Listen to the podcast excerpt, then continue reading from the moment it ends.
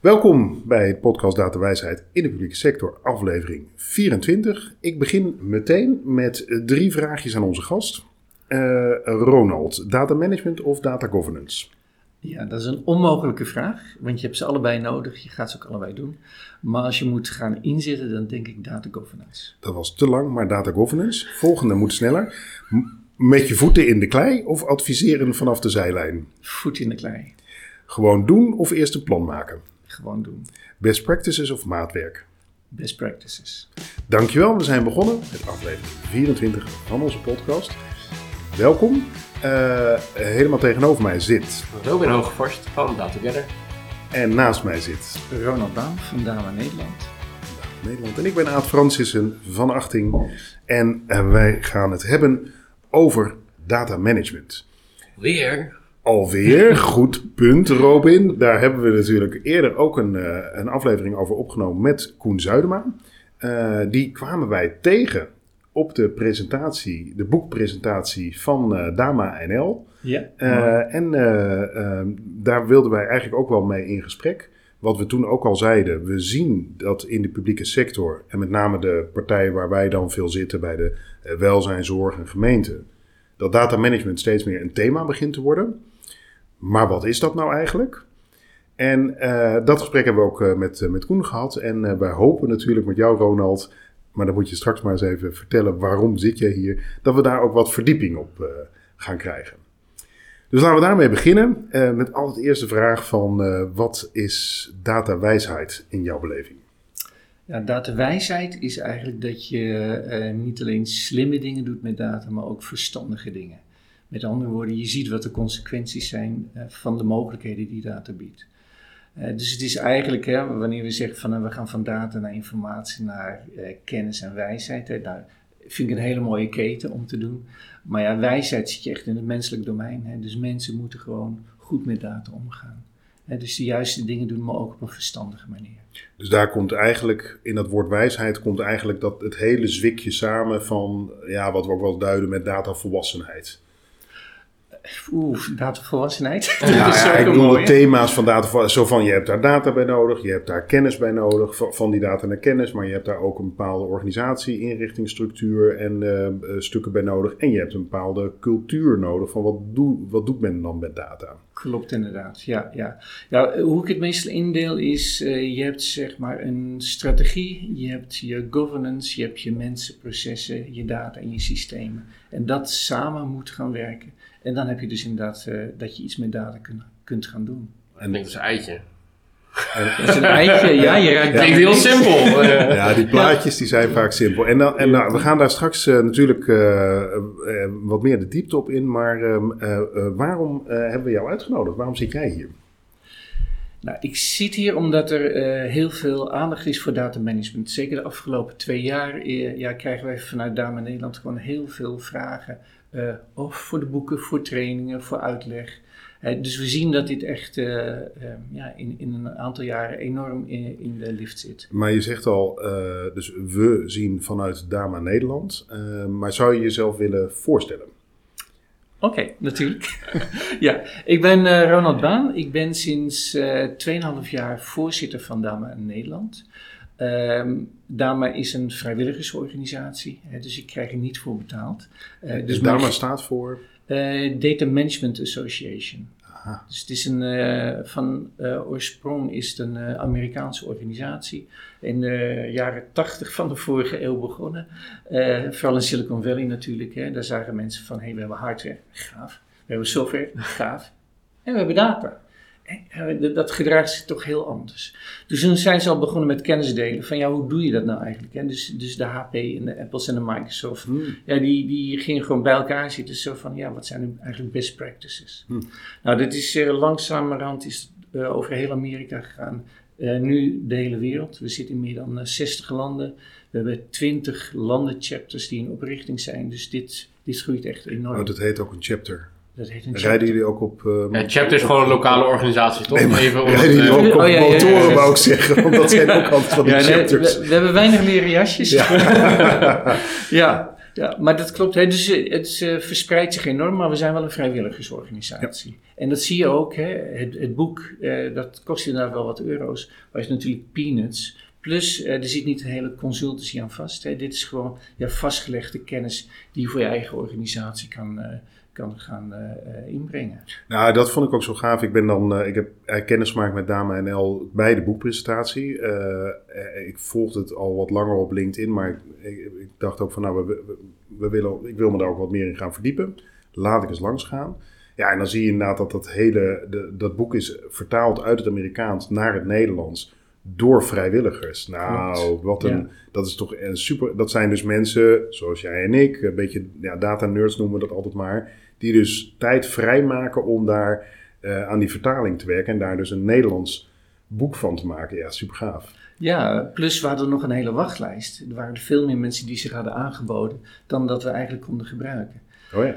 Als je ook ziet, eh, we hebben heel veel werkgroepen, iets van 15 werkgroepen. En dan werken dus eh, al deze professionals samen aan allerlei onderwerpen van datastrategie, datamesh, eh international data spaces. Nou, eigenlijk zo ongeveer alles wat je maar kan bedenken. En wat, wat doet zo'n werkgroep dan precies? Die zitten gewoon samen om kennis te delen en hoe, zeg maar... Nou, het is, het is redelijk gestructureerd. Ja. Dus wat we doen is, eh, wanneer we een nieuwe werkgroep hebben, dan moeten ze een plan indienen. Zo van, oké, dit is het onderwerp waar we aan gaan werken. Dit willen we gaan opleveren en zo willen we gaan werken. En eh, dit zijn de mensen die mee willen doen. Hè. Dus dan houden wij als bestuur dat ook in de gaten. Dus zorgen dat we ze goed ondersteunen met, nou ja, zowel de techniek, hè, teamsomgevingen, dat ze kunnen samenwerken. Maar ook als ze ergens fysiek willen samenkomen, nou, dan hebben we een aantal vrienden van, eh, van Dame Nederland. En die stellen dan ruimte ter beschikking. Dus dat wordt dan allemaal geregeld. En wat ze opleveren, dat komt dan op de website terecht. En dat is dan voor iedereen toegankelijk. Heel erg gaaf. We hebben nu eh, volgens mij meer dan 120 mensen die hier gewoon ja, continu eh, samenwerken om dus ja, deze kennis vast te gaan leggen en te verspreiden. Ik heb mij aangemeld voor een van de werkgroepen. Welke? Nou, ja, nou, dat kun jij nog Dat niet weet je zelf ook niet. of? Nee, dat, dat het, het, is, het heeft te maken met. Ik, heb een, eh, ik hou heel erg van eh, ja, iets ook doorleven met een ervaring. Eh, dat je een ervaring organiseert waardoor mensen gaan begrijpen van, oh, dat, dat bedoelen we. En dat, zit, dat zag ik ineens bij die werkgroep van de datagames. Jullie hebben dus ja. een werkgroep datagames en die stonden natuurlijk te werven. En ik ging daar wel aan. Ik dacht, oh wat leuk. Nou, eh, Robin en ik hebben ook zo'n eh, datagame ontwikkeld, een escape room. Hebben we één keer gedraaid, maar die, eigenlijk hebben we die op de plank liggen. En nou ja, die, nou, daar, daar willen we ook wel wat meer mee. Maar ja, wanneer dan en hoe dan? Mm. Dus, eh, maar dat denken, zeg maar, van hoe laat je mensen nou ervaren wat je anders in een sheets of in een presentatie, zeg maar, zet, dat, dat vind ik superleuk. En ik ben nog niet eh, verder gekomen dan ik heb me aangemeld. Eh, Dus, eh, maar ik, ongetwijfeld ga ik een keer daarin ook een actieve bijdrage mogen leveren. Ja, ik vind dat echt heel leuk. Ja, zeker leuk. Maar dat is dus een van die werkgroepen. Ja, wat je ook weer, ik had het helemaal niet verwacht. Ja. ja. Nou, wat ik zo leuk vind is, hè, we zijn allemaal vrijwilligers, we werken samen, we delen dingen. En dat is zo anders dan wanneer je een consultant bent en echt uurtje factuurtje voor een klant zit. Dit is echt ja, mensen die delen vanuit zichzelf, omdat ze het belangrijk Er vinden. zit ook een bepaald soort passie in vaak hè, bij, bij, bij Zeker. Dat is Ja. Soort, ja, je doet het omdat je het leuk vindt, zeg maar. En dat, dat geeft een heel andere sfeer dan wanneer je doet omdat het moet. Of zo. Precies, ja. En ik, had, eh, ik heb jarenlang mijn eigen bedrijf gehad. En eigenlijk zei ik van, hey, ik wil eigenlijk een hele gave tool ontwikkelen. Maar ja, op een project is er nooit ruimte voor. Terwijl nu zien we eigenlijk van, ja, ik wil eigenlijk dingen opschrijven over datamanagement. Ja, voor een project ga je dat niet doen, maar nu in je eigen vrije tijd. Met een doel en natuurlijk ook een, eh, een publiek wat het graag wil horen. Dus dat is heel leuk. Heel veel mensen raken hier hun ei wel eh, in kwijt. Je zei net dat, dat de afgelopen twee jaar dat, dat je heel veel meer vragen hebt gekregen en heel veel meer, meer interesse in datamanagement. Weet je, weet je waar dat door komt? Waardoor die, die groei zo... Jij bent natuurlijk 2,5 jaar voorzitter. Misschien dat daar... precies. Nee. nee, er is heel veel goed voorwerk gedaan. Eh, al in, eh, in 2015 zijn we als Dame Nederland begonnen. Nee, wat ik eigenlijk zie is dat data steeds meer in de belangstelling staat. We hebben natuurlijk ook eh, wetgeving die steeds eh, strakker wordt. Hè. Vanuit Europa ja, krijgen we echt heel veel over ons heen gestuurd. Dus daar moeten we wat mee. De AVG was een voorproefje. En toen dachten we ja, hoe gaan we dit eigenlijk doen? Ja, en er gaat steeds meer aankomen. Dus ik denk vanuit de noodzaak om, eh, om eh, ja, te voldoen aan wet en regelgeving eh, is die behoefte zeker gekomen. Aan de andere kant zien we ook hele gave dingen met data science. Dingen, nou ja, ChatGPT heeft ook enorm veel aangewakkerd. Want we denken allemaal van, wauw, dit is gaaf. Maar dan gaan we vragen stellen. Waar komt die data eigenlijk vandaan? Mogen ze die wel gebruiken? Wat doen ze met mijn data? Nou, echt van dat soort dingen die je eigenlijk altijd moet afvragen. Maar nu staat het echt uh, in, in de spotlight. Dus nu gaat iedereen erover nadenken en denkt ze ineens van ja, dat is data management. Hè? Daar moeten we Ja. wat mee. Ja. Ja, wij zien eigenlijk eh, bij eh, de partijen waar wij actief zijn eh, ehm, in dat sociale en publieke domein, zien we ook dat ze, daar, daar, dat is een, een deel van het publieke domein wat nog best redelijk beginnend is met data. Eh, een beetje afhankelijk van de grootte van de, van de organisatie zijn, zijn ze daar al wat verder in en of nog, staan ze nog beginnend. Eh, maar ook daar ergens zie je altijd wel dat er op een gegeven moment zo'n moment, zo'n punt geraakt wordt van ja, maar nou moeten we wat meer gaan organiseren hier. En we beginnen met experimenten en met een, eh, iemand die daar enthousiast en een soort van kwartiermaker in is. En dan wil men meer en dat kan ook nog allemaal georganiseerd worden. Ja, en dan op een gegeven moment, dan moet je het echt eh, goed gaan organiseren. En dat is waar ik dacht van, hé, hey, hier komt dus volgens mij gestructureerd data management. Je, je merkt dat je op een gegeven moment, als, als het datagebruik in je organisatie groot genoeg wordt, dat je op een gegeven moment tegen een soort muur aanloopt. Ja. Van, oh ja, maar nu kan ik niet verder. Of als ik verder wil, dan kost het me heel veel tijd en energie om ergens iets vandaan te krijgen, om te bepalen of het mag of kan. Of, Nou, Ja. zullen we die gewoon eens bij de kop pakken? Ja? Dan, dan, dan, eh, eh, dan merken we dat in zo'n organisatie. En, en dan? Wat, waar zou je... Hoe, wat- je hebt zo'n vraag over. Van nou, ik heb, ik heb daar... ja, Ik Dus ma- de- ik mag daar wat in. En een organisatie wil daar eigenlijk mee aan de slag, maar heeft nog geen idee. Wat, wa- waar begin je? Ja, eh, dit is een hele moeilijke. Kijk, aan de ene kant wil je zeggen van hé, er kan heel veel met data. Laten we eh, daarmee aan de slag gaan, kijken wat we allemaal daarmee kunnen. Aan de andere kant weet je ook, als ik dit in productie wil zetten, dan heb ik eigenlijk geen basis. Dus je moet eigenlijk beide moet je tegen elkaar afwegen. Eh, en ja, en dat is, dat is echt een proces van eh, ja, goed balanceren en goed sturen. Kijk, aan de ene kant kun je zeggen van nou, we moeten de basis op orde, dus we gaan datamanagement inrichten voor, voor al onze databronnen, voor de primaire processen, voor het delen van data, data science, nou je noem maar eigenlijk maar op. Daar ben je gewoon echt van een hele lange tijd mee bezig. En je kan niet zeggen, ja, tot die tijd doen we niks. waarom niet? Eh, nou, dan ben je over drie jaar, hè, dan ben je als data scientist aan de beurt met jouw eh, Ja. leuke, leuke ideeën. Hè, Dus dat gaat gewoon niet. Plus, de trein rijdt al. Hè. We zijn eh, als organisatie al heel lang bezig. We doen al datamanagement, alleen we doen het niet goed genoeg voor de nieuwe uitdagingen die we hebben. Bijvoorbeeld in gemeenteland, hè, daar kennen we natuurlijk onze, onze primaire processen. Nou, dat doen we goed, dat hebben we redelijk onder controle. Eh, data warehousing, nou, dat is ook wel redelijk bijgekomen, dus we kunnen onze rapportages ook best goed doen. Nu beginnen we aan data science en dan zie je al van, oeh, ja, dat, dat is weer een heel ander gebied met zijn eigen dynamiek.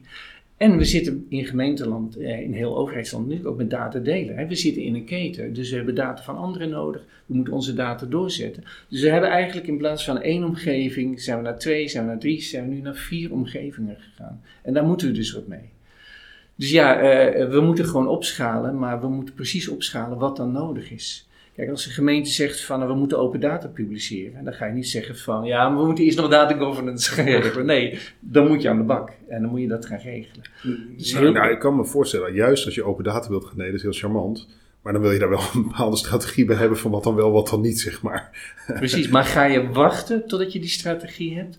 Of ga je zeggen van nou weet je wat, dan hebben we nu meteen mooie ingrediënten voor onze strategie. Laten we vooral iemand met die datastrategie eh, eh, eh, in, in gang zetten. Maar we moeten ook die open data gaan publiceren. Ja, Dus is dan ook niet inderdaad een, en, en dat eigenlijk terwijl je bezig bent, dat je een soort blik moet houden, zeg maar, dus, dus zeg maar, zeg, je bent, je, bent, je bent met een project bezig en dan 80% van de tijd ben je eigenlijk met een project bezig, maar 20% pak je even die helikopterview en denk je, oh ja, maar Ja. dit doen we, ja, dit is eigenlijk wel een proces waar de rest van de organisatie ook iets uit kan hebben. Laten we dit iets breder borgen en Ja. zorgen dat, dat andere mensen hier ook profijt van hebben Ja. voor de toekomst. Nou, en, en dat is precies wat ik bedoel. Hè. Dat eh, staat ook in de Dame Deen boek, hè, dat grote dikke boek.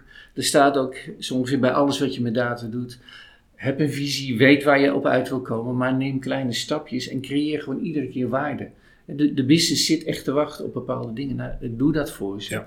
Maar doe wel goed eh, aan stuurmanskunst. Hè. Zorg wel dat je op de juiste plek aankomt. Maar hoe weet je dan welke kant je op moet sturen? Nou, daar heb je wat slimme mensen voor nodig. Nou, e- een van de dingen is, ehm, eh, ik krijg heel vaak ook het commentaar, eh, ja, dame met een D-blok, het is zo breed. Even DM-bok, waar staat het voor? Eh, data Management Body of Knowledge. Body of Knowledge. Ja. Dus het is echt een boek van meer dan 600 pagina's. Met allerlei eh, kennisgebieden van data-architectuur, datakwaliteit, metadata, governance, nou noem eigenlijk maar op. En daar zeggen ze gewoon hele eh goede dingen eh, over die in de praktijk die we zijn tegengekomen.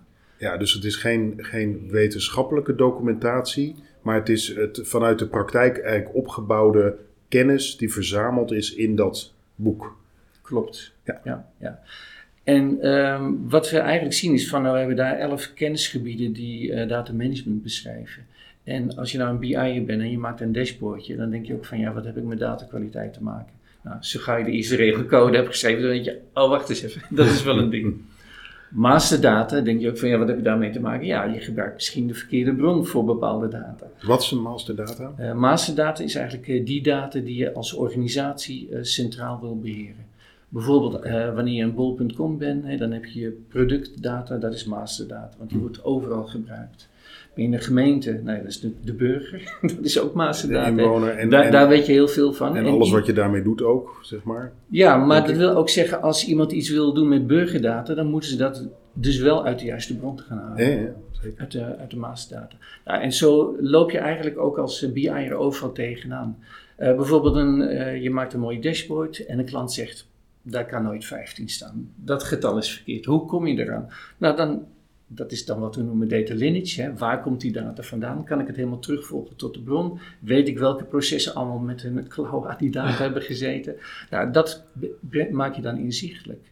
Hè, met andere woorden, een simpel dashboardje ja, bestrijk je eigenlijk al alle kennisgebieden komt van heel veel bij Ja. kijken inderdaad. Mijn Ja, ervaring ja. is ook wel vaak inderdaad dat als je zo'n zo dashboard maakt, dat je heel vaak de problemen in de processen boven, boven tafel haalt, zeg maar. Maar dat, dat, dat de data-experts daar een beetje de schuld van krijgen. Dus, Ja. dus er wordt inderdaad een dashboard gebouwd, daar staat 15. Die zeggen, oh ja, maar dat klopt niet. En dan ga je, nou, dan ga je dat treintje ga je terugvolgen, ga je zoeken. En dan kom je uit, ja, maar, maar dit proces, dat is, eigenlijk, dat is eigenlijk wel gek dat er, dat er nog dat er nog zoveel mutaties openstaan. Of dat er nog, nog zoveel met terugwerkende kracht moet door, door worden gevoerd, zeg maar. En dan, dan kom je dus tegen dat proces aan, maar dan loop je ook wel eens tegen een muur aan. Dat ze zeggen, ja, maar ja, dat kunnen we niet aanpassen. Punt. Precies. Wat dan? Ja, ja. Nou, en, dat is dan het mooie, hè, dat eh, we zeggen ook, data governance is een hele belangrijke. Hè. Dat zijn eigenlijk de afspraken die je met elkaar maakt, hoe je met dit soort situaties omgaat. Eh, onder data governance heb je bijvoorbeeld eh, je dataprincipes. En een van de dataprincipes is bijvoorbeeld, als we een datakwaliteitsprobleem hebben, dan lossen we dat op in de bron. Nou, hoeft niet voor alle organisaties zo te zijn, hè, maar dat kan dus een van je dataprincipes zijn. Dat maar die zijn dan per organisatie, die stel je zelf op. Of die zijn voor... die, die moet je zelf opstellen. Ja, er zijn wel wat best practices, zo, die staan ook in de DM-book. Maar ja, die moet je eigenlijk voor je organisatie vaststellen. Iedereen moet er ook zijn handtekening onder zetten van zo gaan we met data om. Nou, als daar dus inderdaad staat dataproblemen lossen in de bron op, dan weet je al van ja, die BI'er die moet dus inderdaad naar de broneigenaar en ja, daar moet het geëscaleerd worden en daar moet het worden opgelost. Wie stelt zo'n eh, dataprincipe op dan? Nou, Is dat de directie of het management die vaak het dashboardje willen, maar eigenlijk dus hier niet de tijd en de ruimte voor hebben om, ja... Dus Ja. dat is dan ook wel, wel, iets van een soort van ervaring die ik wel heb. Dat, nee, maar eh, ja, dat management zijn er ook om te managen. En, en Ja. hebben inzichten nodig, maar zijn er niet voor om te bedenken eh, hoe ze dat allemaal voor elkaar moeten Data management, toch? Dat is de data toch ook? Dus, eh, Nee, maar, ga je doen. die aankijken, dan verwacht ik niet dat daar iets van eh, op papier. Omdat ze dus weer terug gaan kijken naar van, nou ja, Ja. hallo, eh, jij maakt de dashboard, schrijf jij even op wat, eh, wat wij moeten doen, zoiets. Nou, en, en dat is inderdaad een lastige van data. Hè. Van data is van iedereen en van niemand. Eh, Iedereen gebruikt het, maar niemand voelt zich echt verantwoordelijk ervoor. En als we het dan gaan hebben over beleid en over principes, ja, dan kijkt iedereen naar elkaar, maar ook weer snel weg. Dus daar moet je iets mee doen. En ja, eh, vanuit Dame zeggen we ja, daar heb je een data management organisatie voor nodig.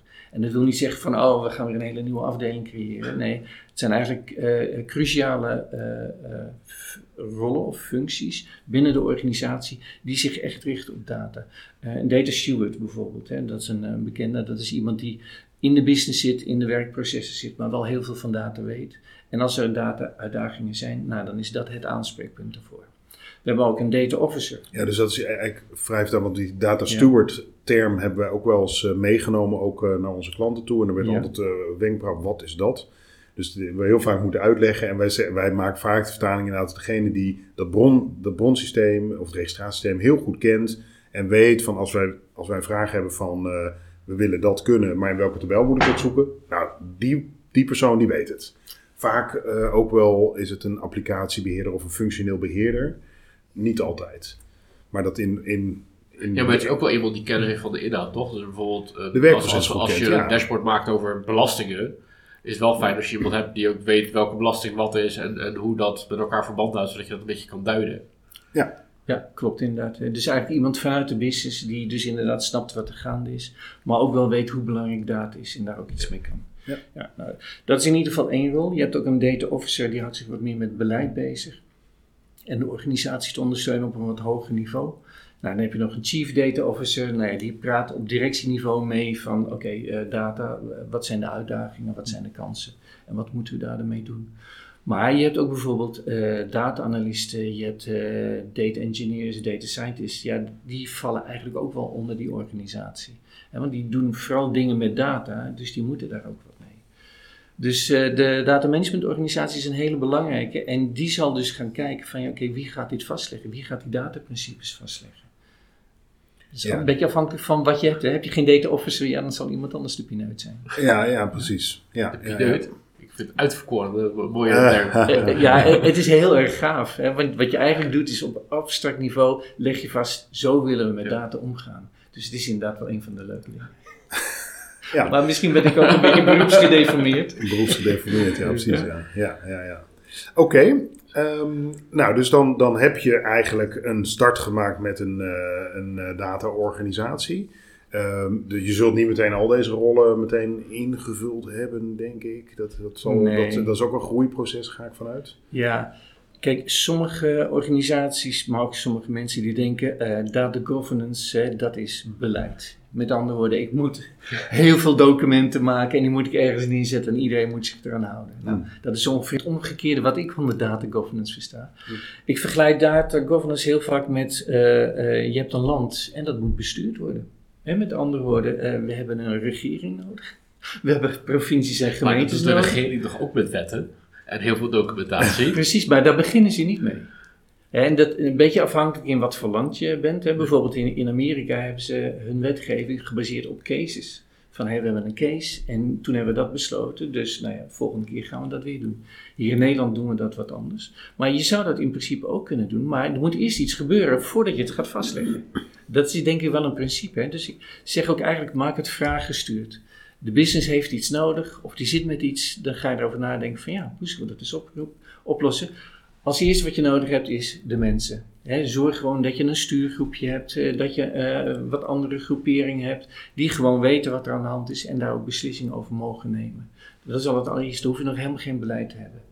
Maar als je bijvoorbeeld drie keer hetzelfde langs ziet komen, dan denk je van, weet je wat, we gaan het eens opschrijven. Hoe hebben we het de vorige keer gedaan? Ja, ging dat goed? Ja? Nou, volgende keer gaan we het zo doen. En zo moet je het doen en niet beginnen met heel breed, heel diepgaand, alles, al het beleid Het neerschrijven. eerste beleid is dus een, een, een organisatiestructuurtje met een bepaald mandaat om over dit onderwerp data iets op te mogen schrijven. Dus het zijn een paar mensen met bepaalde rollen die aan tafels, eh, bij elkaar aan tafel zitten en aan verschillende tafels. Ja. En dat, dat kun je al vastleggen. Dat is dan al een soort van beleid.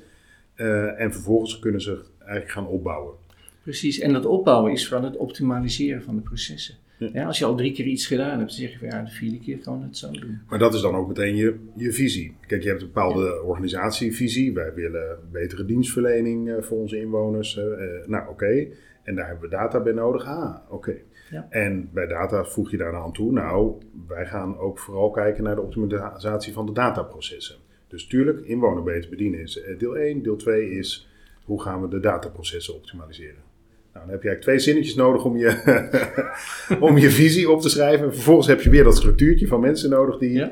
Ja, oké, ik hou er heel erg van. Dit, eh, ja, hou het klein, maar dat zei je al. Hè, van, eh, er is heel veel voorbeelden, body of knowledge. Eh, modellen, dus niet één model, maar heel veel modellen staan er ook in dat boek.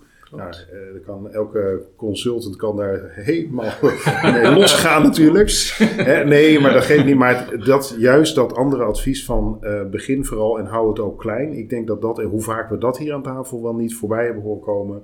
eh, ik, ben, ja, dat is altijd wel heel, ik vind dat heel goed advies, laat het even zo zeggen.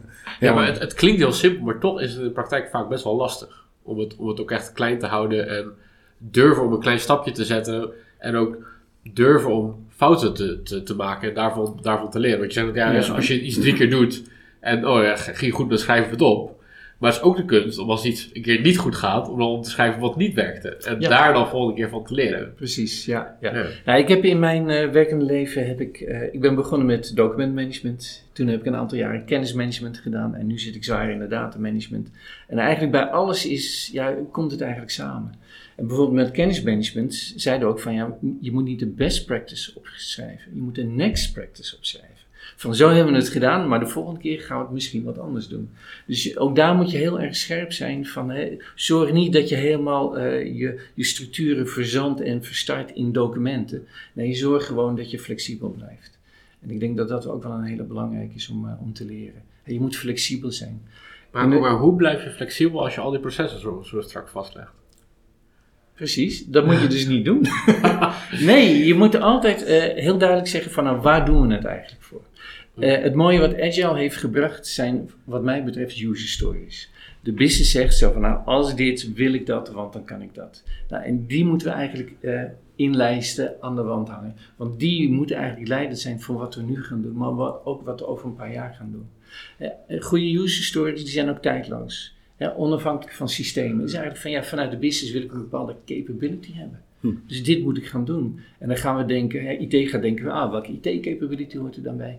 Van data management gaan we denken, welke data management capability komt er dan bij? Ja, en zo stemmen die op elkaar af. En als de business wat anders wil gaan doen, ja, dan moet IT en data management ook wat anders gaan doen. Hè? Want we zijn eh, niet leidend, hè? we zijn juist volgend voor, eh, op de business. En dat is het andere natuurlijk wat agile werken ook wel brengt, is dat kortcyclische of dat cyclische eh, ontwikkelen. En daar zit dat eigenlijk dat dynamische zit daar natuurlijk al wel in.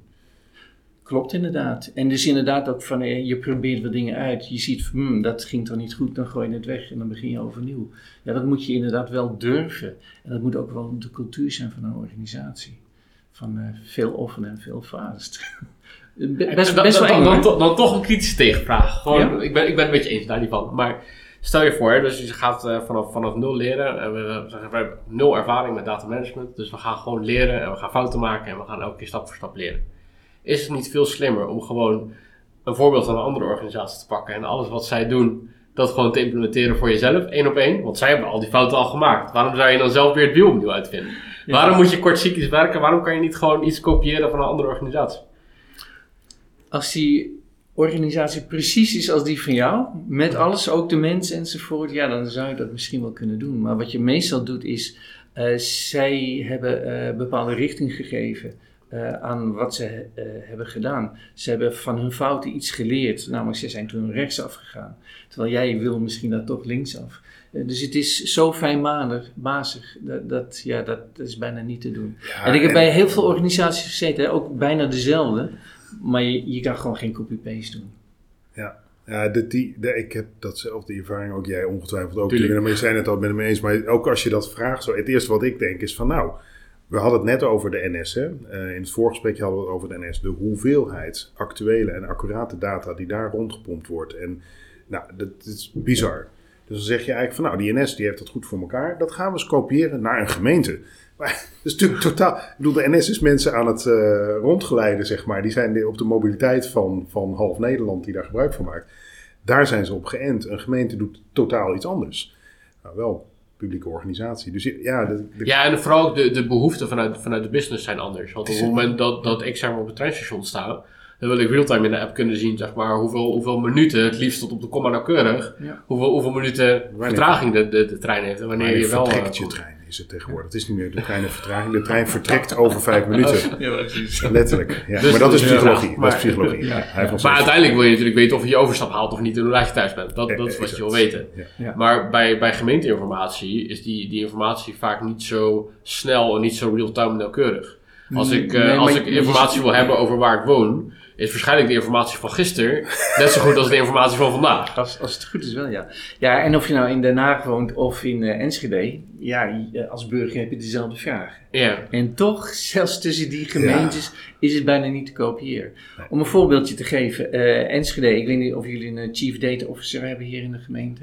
Inmiddels wel, Ja. denk ik. Maar Ze hebben daar wel op eh, bijgeschakeld, laat ik zo zeggen. Ja. Ik, ik weet Ja. niet of ze chief data officer hebben. Maar, maar, we- zijn met in ieder geval de, de, de, de business data mensen zijn we nu wel Die zijn net dit jaar aangesteld en daar zijn we ook mee in gesprek. Het is echt heel leuk. En maar dan zie je dus van, nou ja, jullie zijn dan hier in, eh, in Enschede eh, redelijk recentelijk begonnen. Nou, ik weet de G4, hè, Rotterdam en Den Haag, die zijn al veel langer bezig, zijn ook grotere organisaties. Dus wat hun ervaringen zijn en hoe die eh, in Enschede zijn, ja, die zijn bijna niet te vergelijken. Stel dat jullie zeggen van, nou, we willen een datacatalogus hebben. Dan zeg je van, nou, Enschede is een redelijke gemeente, maar niet super groot. Nou ja, dan kunnen we daar gewoon eentje voor kiezen en dan kunnen we daarmee aan de slag. Nou, die andere G- G4's die, die hebben dat misschien al lang en die zijn al veel verder. Dus ook met andere ervaringen, andere indelingen. Dus het is, het is bijna niet te, te kopiëren.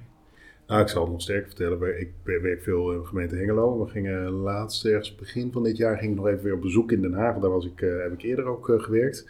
En daar mochten we wat dashboardjes inzien. En toen dacht ik, oh, nou, ik heb het idee dat Hengelo inmiddels wel, eh, wel verder is. Jullie zijn een beetje blijven hangen op het eh, hoeveel euro zetten we op welke inwoner in welke dienstverlening. En dat was het, ter verantwoording aan. Of ze hebben heel veel geëxperimenteerd. Dan komen we uiteindelijk toch terug op het ene simpele dashboardje. Toen, ik, nou, toen ik in 2018 daar werkte, was dat, toen gingen ze eh, volop inderdaad aan de bak met een datateam en dat, dat, eh, dat experimenteren. Eh, maar ik heb het idee dat die, eh, eh, dat die investe- inv- i- investering daar weer af is. In ieder geval in het sociaal domein dan. Ik vond het, eh, nou ja, vrij bazaal. Nee, je, wel informatie die je wilt hebben hoor, dus daarom eh, niks ten nadele van. Maar ik heb het dan natuurlijk altijd over leren van data. ja, dat, eh, dat, daar, daar zijn nog heel veel mogelijkheden eh, te, te vinden. Ja, en daar, daar is Hengelo nu heel erg eh, meters op aan het maken. Dat vind ik ook wel leuk om, om te zien. Ja. Maar dat, het is een beetje, het kan dus enorm verschillen. En ik, ik zeg dit ook omdat de G4 lijken soms voor te lopen, maar soms ook heel erg niet. Juist omdat ze misschien al in de jaren 80 begonnen zijn met data. En nou ja, de wereld inmiddels weer 40 jaar vooruit is, zeg maar. Ja, wat verouderde techniek die dan niet, niet is geüpdate of niet is meegenomen. Dat Ja, kan- ja. Ja. en grote gemeenten. hè. Er zijn zoveel eh, mensen die allerlei verschillende diensten werken, wat het soms ook nog behoorlijk eh, ja, log maakt. Hè. Dus eh, ja, ja. Hey, ik ben even benieuwd, Robin, eh, naar de data dwarsligger. De data dwarsligger, die, die tip, zodat je, een goede tip, zodat je niet mag, kan of wil werken met data. Die? Precies, want we hebben het alleen maar over hoe kunnen we er meer mee doen, maar Ja, ik, ik, heb nog wel een goede tip. Ehm, en dat, dat zit er met name in de, eigenlijk in de, in de exports van systemen of van een rapportage. En eigenlijk wil je het liefst exports die alleen maar de huidige stand van zaken geven. Dus het liefst op het moment dat je een, eh, een, eh, bijvoorbeeld een financiële rapportage uitbreidt, wil je eigenlijk gewoon een foto hebben. Hoe staat het er nu voor? Ehm, het liefst zo geaggregeerd mogelijk natuurlijk, zodat je niet nog weer, weer de diepte in kan duiken. Maar zorg er nu voor dat je alleen maar de huidige situatie kunt zien. Ehm, want dat zorgt ervoor dat je ook gewoon niet de historische informatie geeft. Dan hoef je ook geen verantwoording af te leggen over de historische cijfers. Want als je ziet hoe het in de historie gaat, kan je er ook wel, kunnen mensen weer kritische vragen over gaan stellen. Terwijl als je gewoon een foto maakt van het nu, kun je denken, oh ja, maar dat klopt niet helemaal. Nou, dan passen die nog een beetje aan. En dan maak ik gewoon een nieuwe export en dan laat je die zien.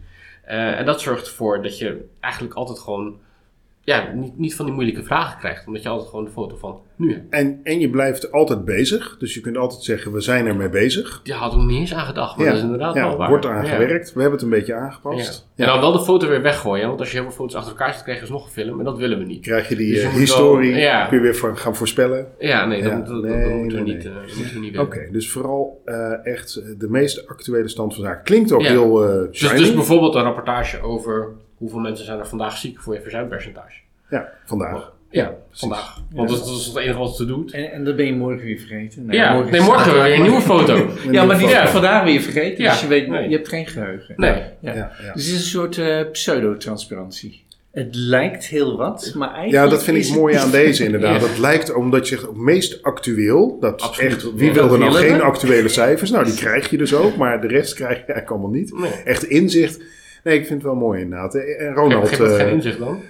ja, het actueel inzicht. Ronald, jij hebt vast ook wel zo'n data dwarsligger van wat moet je nou vooral doen als je wilt dat er, eh, help me even niet. Als je niet meer kan, wil of mag werken met data. Ja, ja, ja, precies. Ja. ja, eigenlijk is het wel heel erg pijnlijk, want eh, ik zie dat die in de praktijk steeds gebeurt en weer wordt herhaald. En dat is natuurlijk van, we hebben er een tool voor en we gaan die tool implementeren en dan is het Probleem opgelost. Geweldig, maar die hebben we nog niet gehoord. Inderdaad, de, alle ballen op de tool. Precies, Ja, ja, precies. Ja, ja. We maken er ook een projectje van en dat project is dan na, daarna afgelopen en dan wordt het overgeheveld naar, eh, naar de lijn. Ja. ja, dus ja, iedere keer gaat het weer mis en iedere keer maakt iedere organisatie weer dezelfde fout. Wat, wat voor tools hebben we het dan over? Nou, dat kan van alles zijn. Een datakwaliteitstool en eh, een datacatalogus, om, om aan te geven waar staat al mijn data, hoe zit die in elkaar. Dus ongeveer alles wel. Hè. Ja, want zo'n datacatalogus die wordt, die wordt vanzelf bijgehouden, toch? Daar hoef je Ja, verder precies. niks, verder niks aan te doen. Jij hebt ervaring ermee. Ja. ja, precies. Ja. Dus eh, eh, wat je eigenlijk altijd ziet is van eh, we hebben de techniek, we hebben mensen en we hebben processen en de data. En dat eigenlijk zeggen van ja, de techniek, ja, dat is eigenlijk wel de makkelijkste. Dat hebben we ook zo gedaan, twee, drie maandjes implementeren. En dan hebben we weer een nieuwe tool. Maar de processen zijn weer barstiger. Dus dan moet je eigenlijk veel meer eh, aandacht aan besteden. En de mensen helemaal, hè, die moet je trainen, die moet je meenemen in het hele proces. Ja, dat is allemaal veel te veel werk.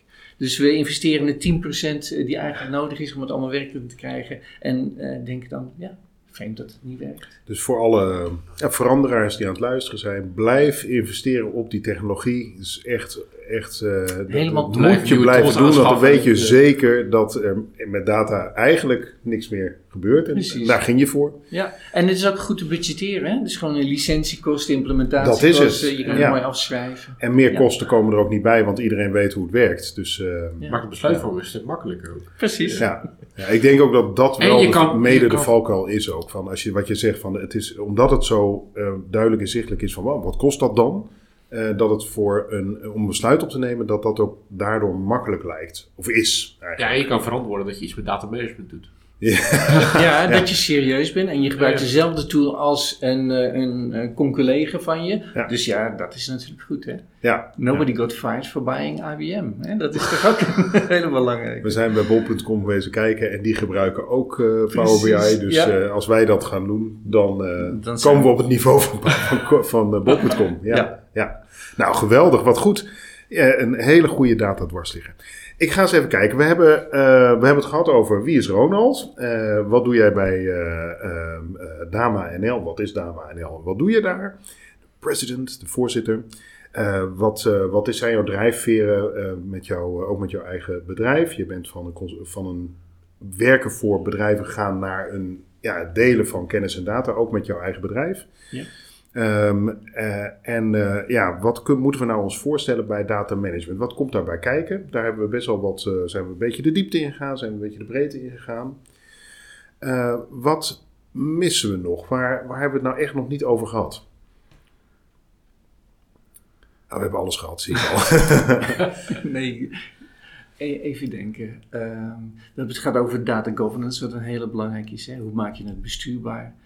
Eh, en verder, ja, er zijn zoveel eh, ehm, eh, dingen die data raken als je data wil gebruiken. En We hadden het al even over de, de BI-specialist, die dan eigenlijk met vragen in aanraking komt en eigenlijk alles van data management gaat raken.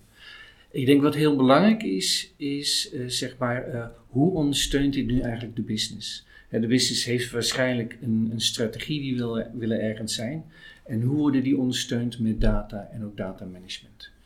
We hebben het gehad, eh, of eh, ook in jullie andere podcasts, over datagedreven werken bijvoorbeeld. Hè? Nou, dat is heel belangrijk, ook voor gemeenten en, en andere overheidsinstellingen. Maar wat betekent dat nou eigenlijk? En ik denk dat daar nog wel heel veel te doen is. Hè? Hoe doe je de vertaling van wat je met de business wil en hoe je daar data voor kan gaan inzetten?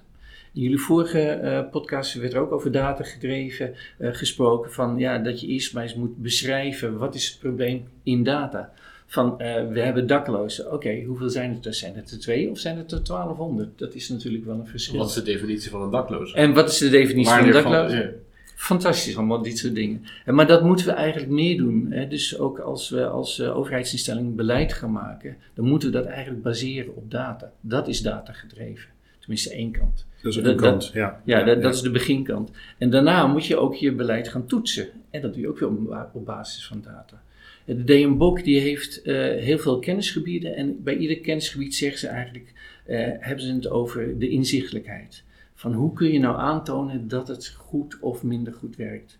Uh, wanneer we het hebben over een datastrategie, hebben we het vaak over volwassenheidsmodellen op het gebied van data management. Hoe volwassen zijn we nu en waar willen we eigenlijk staan? Ook dat weer meetbaar maken. Als je dingen niet meetbaar maakt, ja, dan, dan is het onderbuikgevoel en dan is het vooral discussie en emotie. Ik, ik kwam laatst een uh, artikel tegen, het ging over de, de PDCA-cyclus. Die, die, die kennen ja. veel organisaties in het publieke domein kennen wel. Dus de plan, do, check en act. Waar je dus eerst plannen gaat maken, die ga je uitvoeren. Vervolgens ga je controleren of wat je hebt gedaan ook je resultaten oplevert. En dan kun je bijsturen. En met dat bijsturen kun je eigenlijk weer nieuwe plannen maken. Maar dat ging erover dat we eigenlijk in de PDCA-cyclus de CNA heel vaak overslaan. En dat we vooral heel veel plannen maken en heel veel dingen doen, maar vervolgens niet controleren of het ook gedaan is of niet. En dat komt heel vaak omdat, het, omdat die, dat meten van, van de informatie gewoon best wel lastig is vaak. En ook zeker, zeker in bijvoorbeeld welzijnswerk is het heel lastig om iets meetbaar te maken. Uh, en om, om kijk, de temperatuur buiten, die kun je meten door, door een thermometer buiten te hangen. Dan kost je een keer een euro, misschien een tientje als je een hele, hele gave thermometer hebt. Uh, maar dan heb je met een vrij lage investering, kun je eigenlijk continu de temperatuur meten. En dat is, zeker als je datamanagement niet zo goed op orde hebt, is gewoon best wel lastig en best wel een investering om ja, resultaten te gaan meten en die, die mee te pakken. En daar dus ook weer bij te sturen. Terwijl het wel een cruciaal onderdeel is eigenlijk vanuit de, ja, vanuit de manier van werken en vanuit de manier van plannen en sturen en bijsturen. Zeker als je kortcyclus wil werken. Ja, nou, dat klopt inderdaad. En, en zeker als mensen niet zo uh, datageletterd zijn, dan uh, zien ze uh, de werkelijkheid ook heel simpel. dan zegt u dus inderdaad van, ja, wat voor weer is er buiten? Nou, het is nu 11 graden. Mm. Dus ja, nee, het is alleen maar de temperatuur. En dat heb je hier ook bij. Je gaat beleid maken, je gaat daar meten, maar als je maar een paar meetpunten hebt, dan zegt dat nog niks. De, de werkelijkheid om ons heen is razend gecompliceerd. En dus ook als je gaat kijken van naar, naar daklozen en je hebt de juiste definitie, je hebt de aantallen, dan moet je nog gaan kijken van ja, mijn beleid uh, zorgt ervoor dat er minder komen, maar misschien gebeurt er wel iets anders, ergens anders. dus ook dat moet je eigenlijk goed in kaart brengen. Ja. En als je meer weet van data, uh, ja, dan, dan kun je er ook beter mee omgaan en op inspelen. Ja, en ik zit zelf ook altijd op het punt van de uitvoering, want een uh, gemeente heeft niet alleen maar beleid, uh, ze hebben niet alleen maar beleid in gang aan het zetten en, uh, en dan moet het maar gebeuren. Dat zijn, dat zijn of ze huren daar of subsidiëren daar partijen in die dat moeten dan uitvoeren, maar die hebben daar ook een bepaalde eigenheid in. Maar ze hebben zelf ook uitvoerende afdelingen. En een van de leukste dingen die ik vind, ik vond jouw antwoorden hier op die eerste vraag ook heel leuk, en zoveel mogelijk poten in de klei vooral doen. dat kun je dus ook in de gemeente doen met teams in de uitvoering. En dan maakt het niet zo heel gek veel uit welke data je pakt, maar je pakt iets van data die wel voor hun relevant is, die met hun werk te maken heeft. Uh, ah, en daar kun je gewoon duidingssessies bij doen. Hè, van wat staat hier nou eigenlijk en klopt dit met jullie realiteit? Uh, en, en, uh, en, en als dat klopt en we vinden het belangrijk, ja, hebben jullie dan ook ideeën wat je ermee kan? Uh, dat is natuurlijk voor beleid een beetje raar, want eigenlijk zou beleid moeten bepalen wat er, nou, eigenlijk zou het bestuur moeten bepalen wat de uitvoering doet. Maar die uitvoering, ja, die werkt al 20, 30 jaar met die mensen in een kwetsbare positie. Die weten zelf ook wel heel goed en ook wel wat er, nou ja, waar het een beetje aan schort. en dat is vaak in hoe ze daarin ja, gefaciliteerd of gestuurd worden. Dus, dus dat Plan, Do, Check, Act doorlopen met, met mensen die de poot in de klei hebben, ja, dat is ongelooflijk leuk. En dan zijn ze dus ook bezig om met data stappen te zetten. Dus om data geletterd te worden, om uh, data erbij te pakken. Dat is wel een beetje leuk maken hoor. Want soms is het ook wel, oh dit is een grafiekje, wat vind je ervan? en dan, dan raak je die teamleden gewoon kwijt. En je moet ook wel een beetje, het, juist door, door een soort data en dashboards en uh, dingen te presenteren, daar een leuke interactieve sessie van te maken. Dan maak je het ook leuk en dan, dan leer je er ook daadwerkelijk wat van. En dan ga je ook met elkaar het goede gesprek aan. Ja, er zitten veel factoren bij. We hebben, uh, laatst heb ik met een aantal uh, teams zeg maar, van dezelfde afdeling uh, dit mogen doen. En dat was met één team, die stonden echt aan. En twee andere teams eigenlijk niet. En dat zat, bij één team zaten we in de raadzaal. Dat is gewoon geen ruimte waar je zo'n werksessie... Want ik probeer er altijd een werksessie van te maken. Wat betekent dat? Maak daar een plan van, een act. Een verbeterplannetje. Heel simpel, maar wel smart meetbaar. Uh, nou, daar kwamen we helemaal niet aan toe. Want dat, de energie was daar gewoon niet.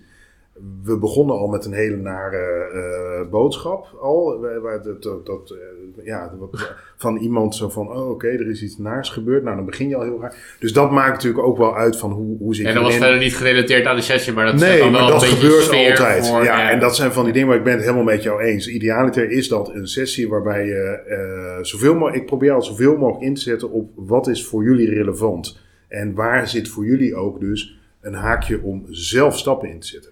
Ja, ik denk dat dat een belangrijk is. Hè? Eh, als mensen voelen, hey, we hebben autonomie. Hè, we kunnen met onze eigen ervaring kunnen we het ook vorm gaan geven. Dat is heel belangrijk. En als er dan dashboardjes moeten komen, eh, omdat eh, de managers ook wat moeten gaan sturen, ja, dat is prima natuurlijk, maar dat is hun wereldje. En eigenlijk moeten die twee moeten hele, hele duidelijke gescheiden verantwoordelijkheden hebben. Ja. En dan kan het heel goed werken. Ja, ja, ja. En een dashboardje heel vaak is het resultaat van een heel proces. Kan eigenlijk nooit het begin zijn. Maar als je dus inderdaad mee laat denken van ja, hoe zouden we dit meetbaar kunnen doen? En Ja. eh, nou ja, neem ze gewoon mee. Ik denk Ja. dat dat het belangrijkste is. ja precies. Ja, maar het, het risico is ook dat je, dat je zo'n sessie gaat organiseren. En dat je iedereen achter zijn computer zet met een dashboard. Je vindt hier maar wat van. En, dan, en als je dat doet, Oh, dan ja, krijg je gewoon nee, niet de leuke ja, feedback. nee, maar. nee, dan, krijg je niet, dan, dan zet je mensen niet aan. We hadden, het, we hadden het zelfs nog wat leuker ingekleed. En ik ben, ook, ik ben wel blij dat dat ook geslaagd is. Want dat is altijd wel een risico. Ik zet dingen wat in gang. Ik heb vaak zo'n kwartiermakersrol. Met, het risico dat ik iets in gang zet wat niet geborgd kan worden. Ehm, eh, maar hier eh, hebben we dus mensen, eh, zijn we eerst met die data naar de teams gegaan. Teamlei- teamleiders mochten erbij zitten, maar mochten eigenlijk niks zeggen, zeg maar. Dat hadden we afgesproken, vonden ze ook goed. Eh, teams mochten er echt mee aan de slag. Mochten echt alles opnoemen wat zij ook in de organisatie eh, ruk vonden waar iets in moest veranderen. Maar zei ik van dat daar hoop je op dat de organisatie dat oppakt om wat mee te doen. Want je kunt niet Ja. zeggen, je kunt niet afdwingen. Maar kijk ook naar wat jullie zelf kunnen. Dat hadden ze ook gedaan. Dan hebben we uit ieder van die teams iemand nodig die dat even komt vertellen bij het management. Gaan we je ook bij helpen. Maar jullie gaan het vertellen. Dus we hebben met het eh, MT van die afdeling hebben we zo'nzelfde sessie gedaan. Dan kwam er uit de teams kwam er één iemand steeds ja, dat even vertellen van dit hebben wij met die data gedaan en hier staan wij eigenlijk klaar voor om mee, wat mee te doen, maar hier hebben we wel hulp bij nodig. Ja. Nou, management vond dat geweldig. Die konden namelijk, dat was, die sessie was voor hun ook zo'n act, zo'n ontwikkelsessie. Dus zij kregen een heleboel data aangereikt, zij kregen de signalen van de eh, collega's aangereikt en ze gingen ook aan de slag met hun eigen verbeterplannen. Eh, waardoor ze ook heel gestructureerd inzichtelijk kunnen maken waar gaan wij op lopen, hoe prioriteren we dat, wat moeten wij dan eigenlijk doen, wat gaan wij weer aan andere afdelingen vragen. Zetten we op papier, zodat zij dat weer. Nou, dat, het werd echt. Eh, Ja. ja, het, werd, het werd heel goed ontvangen. Ja. Vooral dat het structureel terug kan komen in hun overleggen. Ja, ja. Dus, dus wat je eigenlijk ziet is gewoon, laat mensen met elkaar praten. Eh, zeker mensen die het werk uitvoeren, die weten precies waar de bottlenecks zitten. Laat ze het inderdaad opschrijven, structureren en dan is het inderdaad een wat hoger niveau om daar dan eh, dingen in gang te gaan zetten. Maar die zullen ook met dezelfde dingen zitten, wat ook weer naar een Ja. hoger niveau Ja, zo, en dat was precies ook wat er, wat er gebeurde. Maar toch om het voor hun, want zij doen, dit is hun werk van het management, is dit hun werk. Maar wat gebeurt er dan? Ja. Ze lopen even naar die afdeling, sluiten aan, regel dat. En ze zeiden zelf ook, ja, dan ben je drie maanden verder. En dan is het, blijkt het niet geregeld. En dan zitten wij nog steeds met het probleem. Ja. Nou, als je het in ieder geval voor jezelf op papier zet, hou je dus de focus erop van, ja, maar is het nou ook gebeurd? Oh nee, ik moet weer even langs. Ja.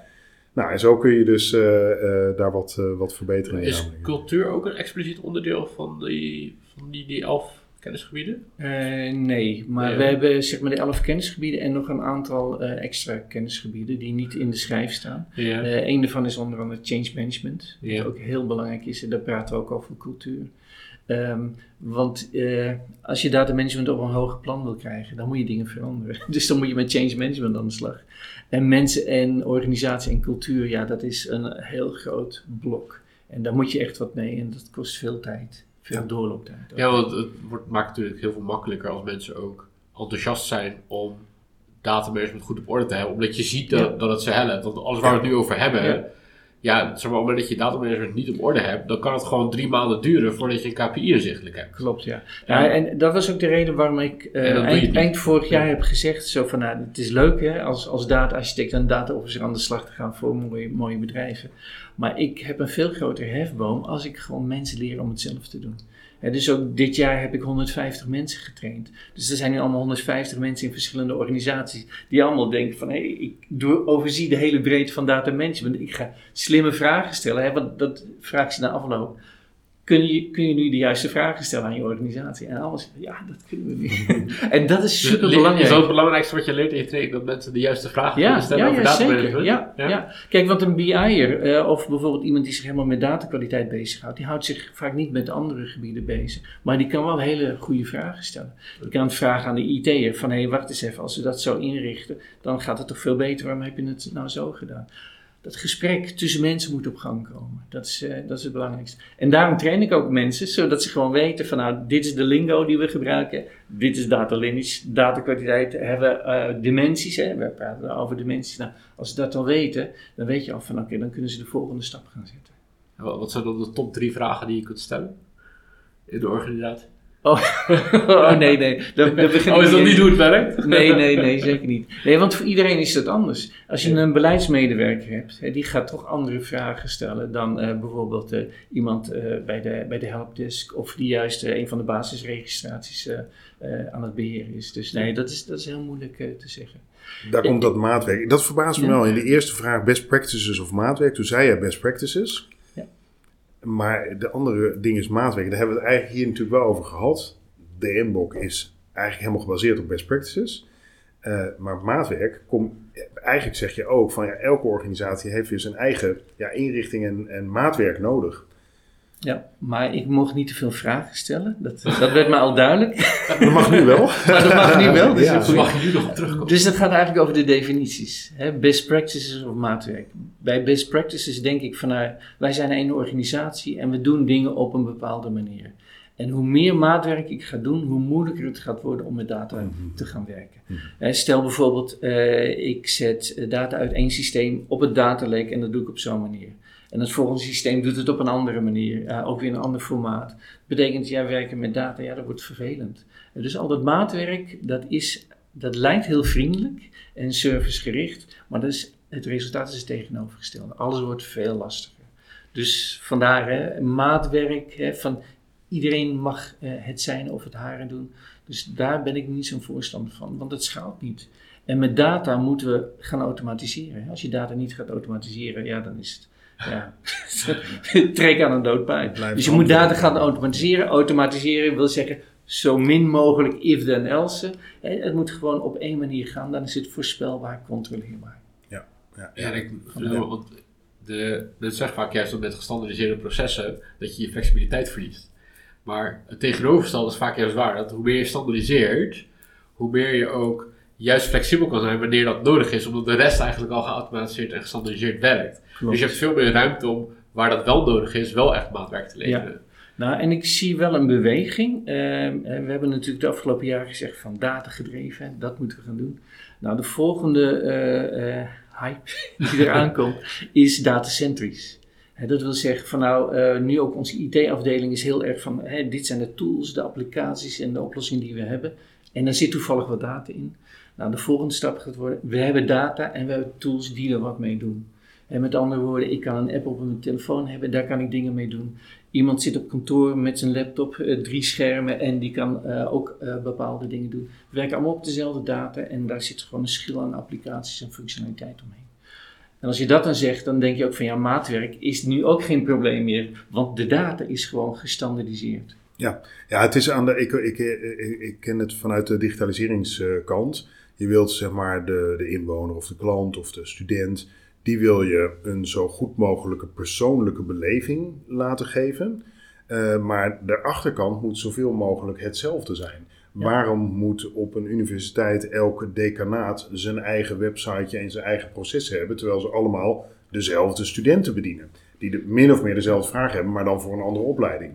Dus daar, daar kun je, zeg maar, ja, maar je kunt dus wel heel goed nadenken over wat kunnen we nou standaardiseren van dit hele zwikje en wat moet, ge- wat moet wel maatwerk zijn. Alleen al dat bedenken, zeg maar. Het Nou, gaat, dat- gaat ook om de balans. En de- dus ja, de balans. ja, Ja. ja. zeker. Maar ja. ik zou dan echt zeggen, standaardiseer je datastructuren en bied flex- flexibiliteit op je functionaliteit. Ja, Ja, nou ja, dat is een, een beetje inderdaad de, de woorden die ik misschien wel zoek. Ik ben, ik ben daar veel te weinig de, de, de, de Ja. nerd voor om dat goed eh, te kunnen verwoorden inderdaad. Ja, mooi. Hey, eh, eh, als jij nou, eh, er, zijn, eh, er zijn mensen van organisaties die luisteren, die hiermee bezig zijn. Die zijn stappen in data aan het zetten, dat weten we zeker. Eh, of hebben daar ook al stappen echt in gezet. En die horen dit en die denken, ja, dit is dus iets waar wij ook wat mee moeten. Wat zou, jouw eh, wat zou jouw advies zijn? Wat zijn, wat zijn je praktische tips aan hen? Ja, een van de eerste dingen die je moet doen is eh, je mensen bewust maken van hoe belangrijk data is. Hè? Data in de processen, eh, data voor de organisatie. Dus ga aan de slag met trainingen, workshop om dat tussen de oren te krijgen. Een tweede die ik zou doen is eh, zorg vooral ook, eh, ja, ik, ik noem de groep eigenlijk eh, de data-waardeketen. Dus van de chief data officers, data officers, data stewards, maar ook de data scientist en de eh, BI-ontwikkelaar. Al die mensen die eh, eh, van data hun hoofdtaak hebben gemaakt en daar waarde creëren voor de business. Nou, zorg dat die minimaal de DM-boek lezen hè, en, daar ook gewoon die cursus in doen. Want dan heb je tenminste dat je het over hetzelfde hebt. En, Ik denk, ik denk daar aan voorafgaand nog, breng eens die mensen, die rollen en mensen in de organisatie in kaart.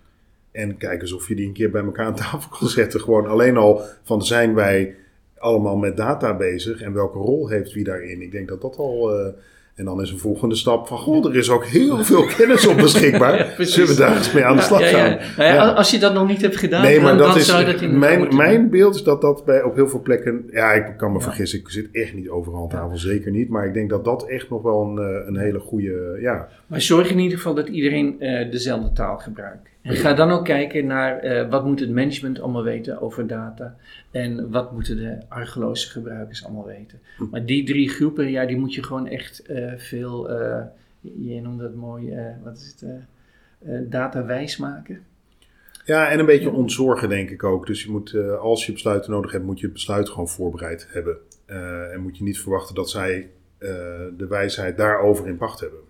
Klopt. En dat is best vaak lastig van met, eh, van met kenniswerkers, zeg maar. Die, eh, Ja. ja. die leggen liefst gewoon een probleem dan neer van, nou, neem maar een besluit. Maar Ja, je krijgt eigenlijk altijd de vraag terug van, ja, maar wat zijn dan de scenario's? Waar kan ik uit kiezen? Ja, dat klopt. Nou, dat geldt voor dit, eh, dit denk ik ook. Ja. Dus, dus mijn eerste insteek zou zijn, kijk naar de mensen. Kijk wat ze zouden moeten weten en zorg dat ze dat krijgen. Want dan heb je ineens een hele organisatie die veel meer data-minded is. En dan krijg je ineens dat de ideeën overal uit je hele organisatie komen. In plaats van alleen maar één chief data officer die alles moet gaan verzinnen in zijn of haar eentje.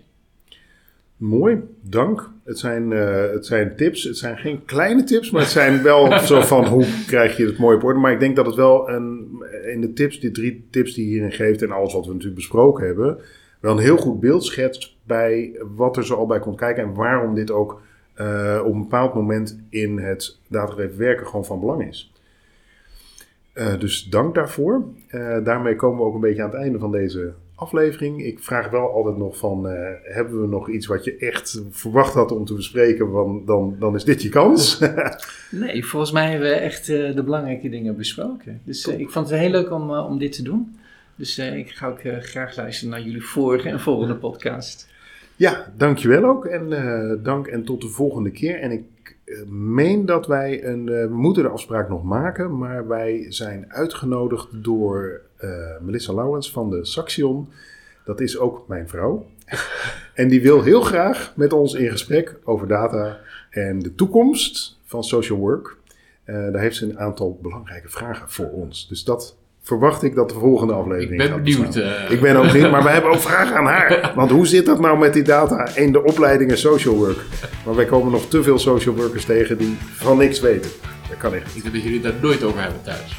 Ja, dat is een beetje het probleem. dus heel graag. Tot de volgende keer en dank voor het luisteren.